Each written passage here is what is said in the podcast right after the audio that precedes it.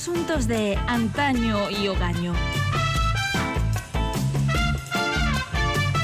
Un espacio sobre historias de la moda, reflexiones costumbristas y momentos de inadvertida felicidad. Adereza Edurne Baz.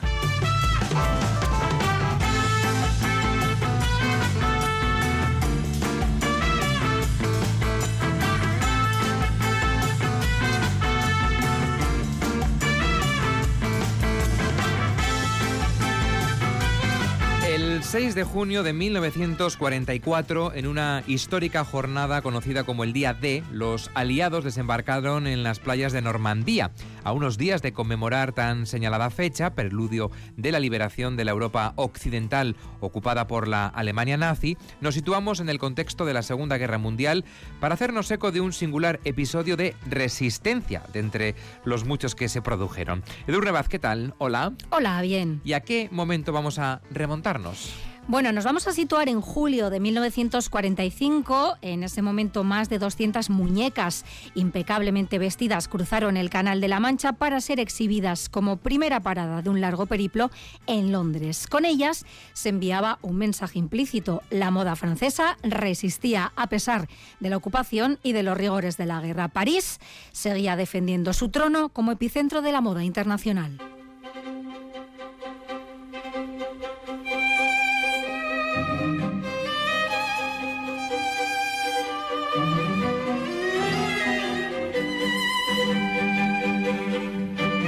Pese que los nazis intentaron sin éxito controlar también la alta costura y sobre todo llevársela a Berlín y Viena, los franceses tuvieron siempre claro que el antiguo esplendor de una de sus más destacadas industrias volvería a brillar más tarde o más temprano. Solo era cuestión de resistir de resistir y de seguir trabajando, aunque fuera en la sombra o utilizando métodos alternativos a los habituales. Raúl Doutry, jefe de l'Internet Français, bueno, ya sabéis que en francés, ¿no? L'Internet Français, eh, organismo solidario, en cualquier caso, que coordinaba las ayudas en periodo de guerra, y Robert Ritchie, que era hijo de la diseñadora Nina Ritchie y vicepresidente de la Cámara Sindical, dieron forma a un proyecto para recaudar fondos que tomaba como punto de partida una vieja tradición de los siglos XVII y XVIII, la de utilizar muñecas en miniatura como embajadoras de las novedades en moda que no pudieran explicarse mediante las palabras o a través de las pinturas, que era otra forma habitual. ¿no? En un artículo publicado el 6 de junio de 2019 en su blog Vestuario Escénico, la diseñadora, investigadora y docente en el campo del vestuario histórico y escénico Diana Fernández recordaba cómo desde el siglo XVII y hasta que las formas de divulgar la moda se multiplicaron, estas muñecas desempeñaron un papel no solo como difusoras de moda, sino casi diplomático. Los baúles que las trasladaban a las cortes y palacios de ciudades como Londres o Viena eran esperados con ansia y ante su paso, contaba esta autora, los cañones dejaban de disparar y las fronteras les daban paso. Herederas directas de aquellas, las muñecas que en 1945 enviaron ese implícito mensaje de resistencia en el contexto de la Segunda Guerra Mundial fueron reunidas en un montaje artístico que iba mucho más allá de lo meramente indumentario. De entrada, cada muñeca fue diseñada por la ilustradora Eliane Bonabel y fue confeccionada en hierro por Jean Chantmartin. ¿Cómo era el resto de esa muñeca? Bueno, la cabeza de estas muñecas que estaba elaborada en escayola fue obra del escultor catalán Joan Rebull. Las prendas que lucieron se integraron en la que fue bautizada como la colección de la Victoria y contribuyeron a dar forma a esta colección tanto los grandes creadores y creadoras de moda del momento como las modistas anónimas de París y así en este denominado teatro de la moda se exhibieron sobre los cuerpos de aquellas muñecas de apenas 70 centímetros prendas firmadas por Jean Lanvin, Jean Paquin, Jacques Fat, Pierre Balmain, Lucien Lilong, Worth, Hermès o Elsa Schiaparelli. Ningún detalle. Hay nada más, eh, nada más y nada menos. Sí, ¿eh? sí, la creme de la creme, por importantes de la moda. Lo mejor de la moda en aquel momento, eh, la moda francesa en particular, ¿no? Y luego los diferentes decorados de aquel teatro de la moda fueron también diseñados por destacados artistas como Christian Berard, Jean Cocteau, el español Emilio Grau Sala o Boris Koch, ¿no? Que era parte integral de los ballets rusos, así que de escenografía también sabía un poco. Y no solo eso, las muñecas contaban con zapatos de las mejores firmas, hechos, por supuesto, a medida, diminutos y sofisticados sombreros, delicada ropa interior también, aunque no se viera, botones que atravesaban minúsculos ojales cosidos a mano, pieles, bordados, plumas o joyas, alta costura, en resumen, pero en miniatura, ¿no? Tal y como recoge María Luz Morales en su libro La moda, peinadas sus cabelleras por los mejores peluqueros de París, luciendo alhajas de los más ilustres joyeros, hablamos por ejemplo de Cartier también, ¿eh? ahí es nada, estas muñequitas de la moda obtuvieron muy merecidamente lo que los franceses llaman un successful en el agrio París de 1945, sembrado todavía de persecuciones y rencores, de luchas y malos recuerdos, fueron una sonrisa netamente parisiense.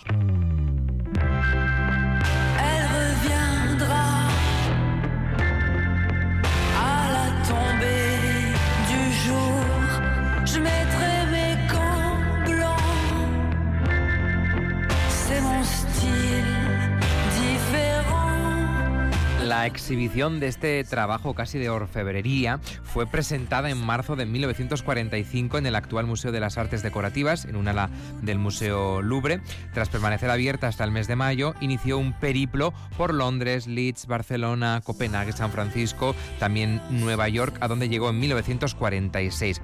Apenas un año después, el 12 de febrero del 47, estalló en París una bomba estilística.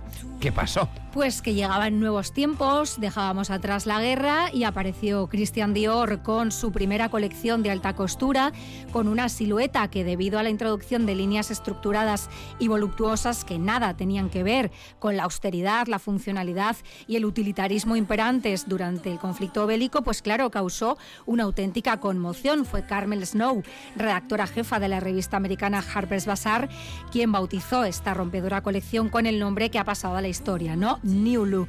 Porque, como contábamos en el episodio que dedicamos precisamente a este asunto, la Segunda Guerra Mundial había terminado solo dos años antes y el mundo afrontaba todavía una gran escasez de recursos. Ya sabemos que después de una gran guerra llega una dura posguerra, ¿no? Ya en 1941 el gobierno británico había impuesto normas de austeridad que limitaban los materiales y elementos que se podían utilizar en la confección de prendas y a tal efecto se emitieron también cartillas de racionamiento y se asignaron asignaron cupones para comprar ropa, tela, calzado o lana para tricotar. Aunque las normas de austeridad se levantaron en 1946, el racionamiento de ropa siguió vigente varios años más. Y nada que se considerara un despilfarro innecesario o una frivolidad, pues era visto con buenos ojos. Y entonces llegó Christian Dior con ese New Look, una nueva silueta para un nuevo mundo.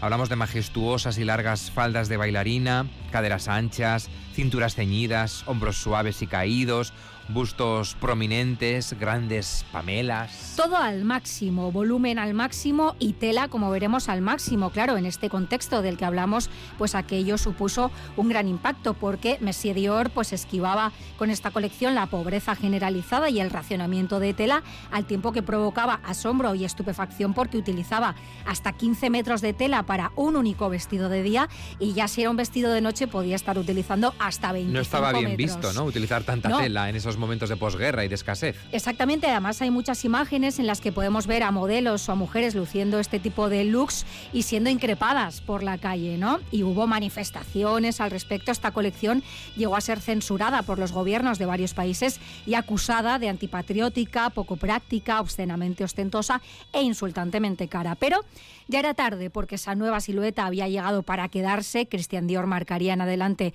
y durante bastantes años, y eso que murió muy joven, pues eh, la moda del momento, ¿no? Y además con su ejército de costureras, modistas cualificadas, cortadoras, bordadoras y oficialas de primera, consiguió devolver con el éxito de este New Look el antiguo liderazgo en asuntos de moda a un país, Francia, que, como decíamos, arrastraba las heridas de una larga ocupación. En su artículo del citado blog Vestuario Escénico, Diana Fernández se preguntaba con acierto cómo se explica que algo aparentemente tan frívolo como una muestra de tejido, frunces, bordados o encajes entre a formar parte de los acontecimientos dentro de un mundo conmocionado por un conflicto bélico de la trascendencia de la Segunda Guerra Mundial. Se trata, responde ella precisamente, de una de tantas muestras de la complejidad del fenómeno moda, tan ligado a la sociedad, pero también al individuo y al afán de este por salvar su libertad más íntima ante los avatares de lo externo. ¿no? En palabras de esta diseñadora e investigadora durante la contienda, los vestidos de gran colorido, los peinados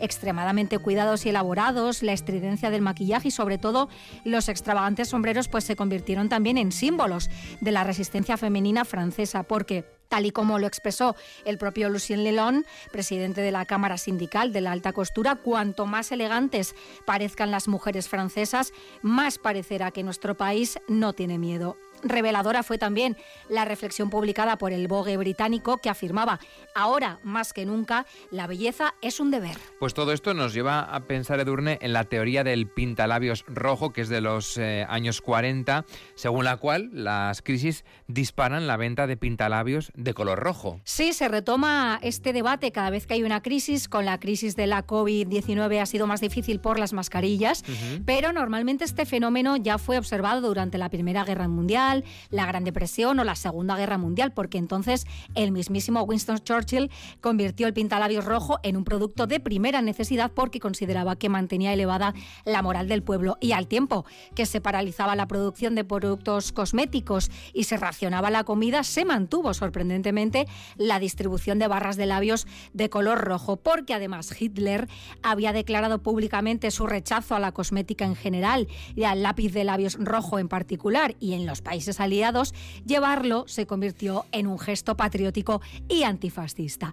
El efecto se dejó notar también, según los defensores de esta teoría, en otras grandes crisis, como digo, por ejemplo, tras los atentados del 11S en Nueva York o durante la última crisis financiera mundial.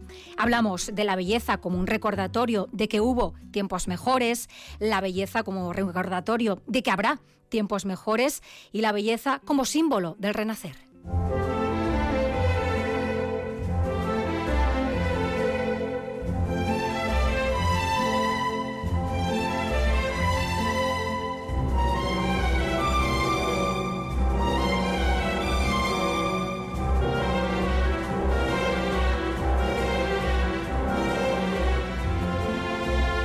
Hoy en Asuntos de Antaño y Ogaño estamos escribiendo la historia del teatro de la moda. Vamos a situarnos en la década de 1980. El profesor universitario Stanley Garfinkel, junto a Susan Train, editora del Vogue norteamericano, descubrió a estas olvidadas muñecas que languidecían en el Museo de Arte Mary Hill en el estado de Washington. Vaya descubrimiento hicieron, ¿no? Sí, sí, porque bueno, después del papel tan relevante que habían jugado en la historia, pues habían ido a parar allí en 1952 cuando fueron donadas por la propia Cámara Sindical de la Alta Costura y ahí permanecen expuestas en la actualidad y quien pase por allí pues puede disfrutar de ellas. Pero en 1990, tras ser restauradas para la ocasión, viajaron de nuevo a París, a su París originario, aunque en este caso solo de visita, para protagonizar una segunda exposición en la que se exhibieron 171 de las 237 muñecas originales y nueve copias de los 13 escenarios que integraron aquella muestra de 1945. En diciembre de ese mismo año, la muestra viajó de nuevo a Nueva York, donde fue acogida por el Met, el Museo Metropolitano de Arte, y ahí volvieron una vez más a bueno, enseñar al mundo lo que era la moda de París, ¿no? lo que pasa es que décadas después, en 2020, el mundo hacía frente a otra clase de batalla, ¿no? Esa librada contra la pandemia de la COVID-19.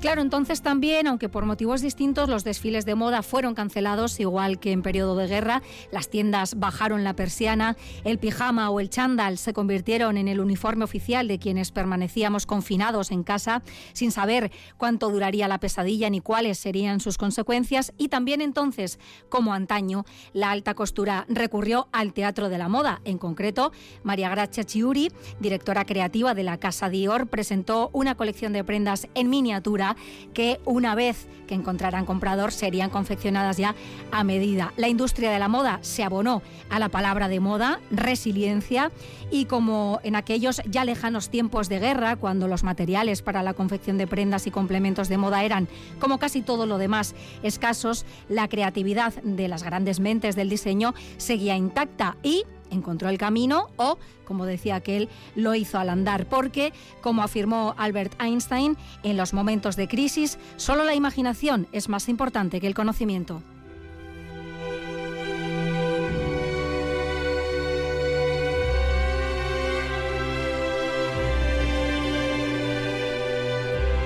Una historia de lo más interesante, este teatro de la moda. No sé cómo Sí. llegas a parar con tantas historias, no sé dónde las encuentras, cómo buceas para, para contárnoslas. Pues aquí y allí está nuestra historia llena de pequeños capítulos que no siempre encuentran un hueco en los libros oficiales, pero si rascamos en la superficie hay historias de personas que a lo largo, bueno, de todos los periodos que dejamos atrás han hecho cosas por salvar, en este caso, la industria de la moda, que para Francia y para París pues es fundamental y vemos cómo siempre hemos encontrado la manera de hacer frente a todo tipo de crisis con voluntad y como decía Einstein también con imaginación, así que invito a todos nuestros oyentes a que escarben también en Google Imágenes, Teatro de la Moda, puedan disfrutar de esas muñecas y de verdad de esa colección de altísima costura en miniatura donde cada detalle estaba hecho como si fuera a gran escala, ¿no? Hasta esos pequeños ojales, la ropa interior de las muñecas, todo era altísima costura y bueno, hoy podemos disfrutarla también gracias al impulso de esas personas que no tiraron la toalla, ¿no? Esa resistencia, ¿no? Este es un episodio más, un ejemplo más de la resistencia eh, tras la guerra, en este caso la Segunda Guerra Mundial. Edu Rebaces, que ricasco. Eso regatic.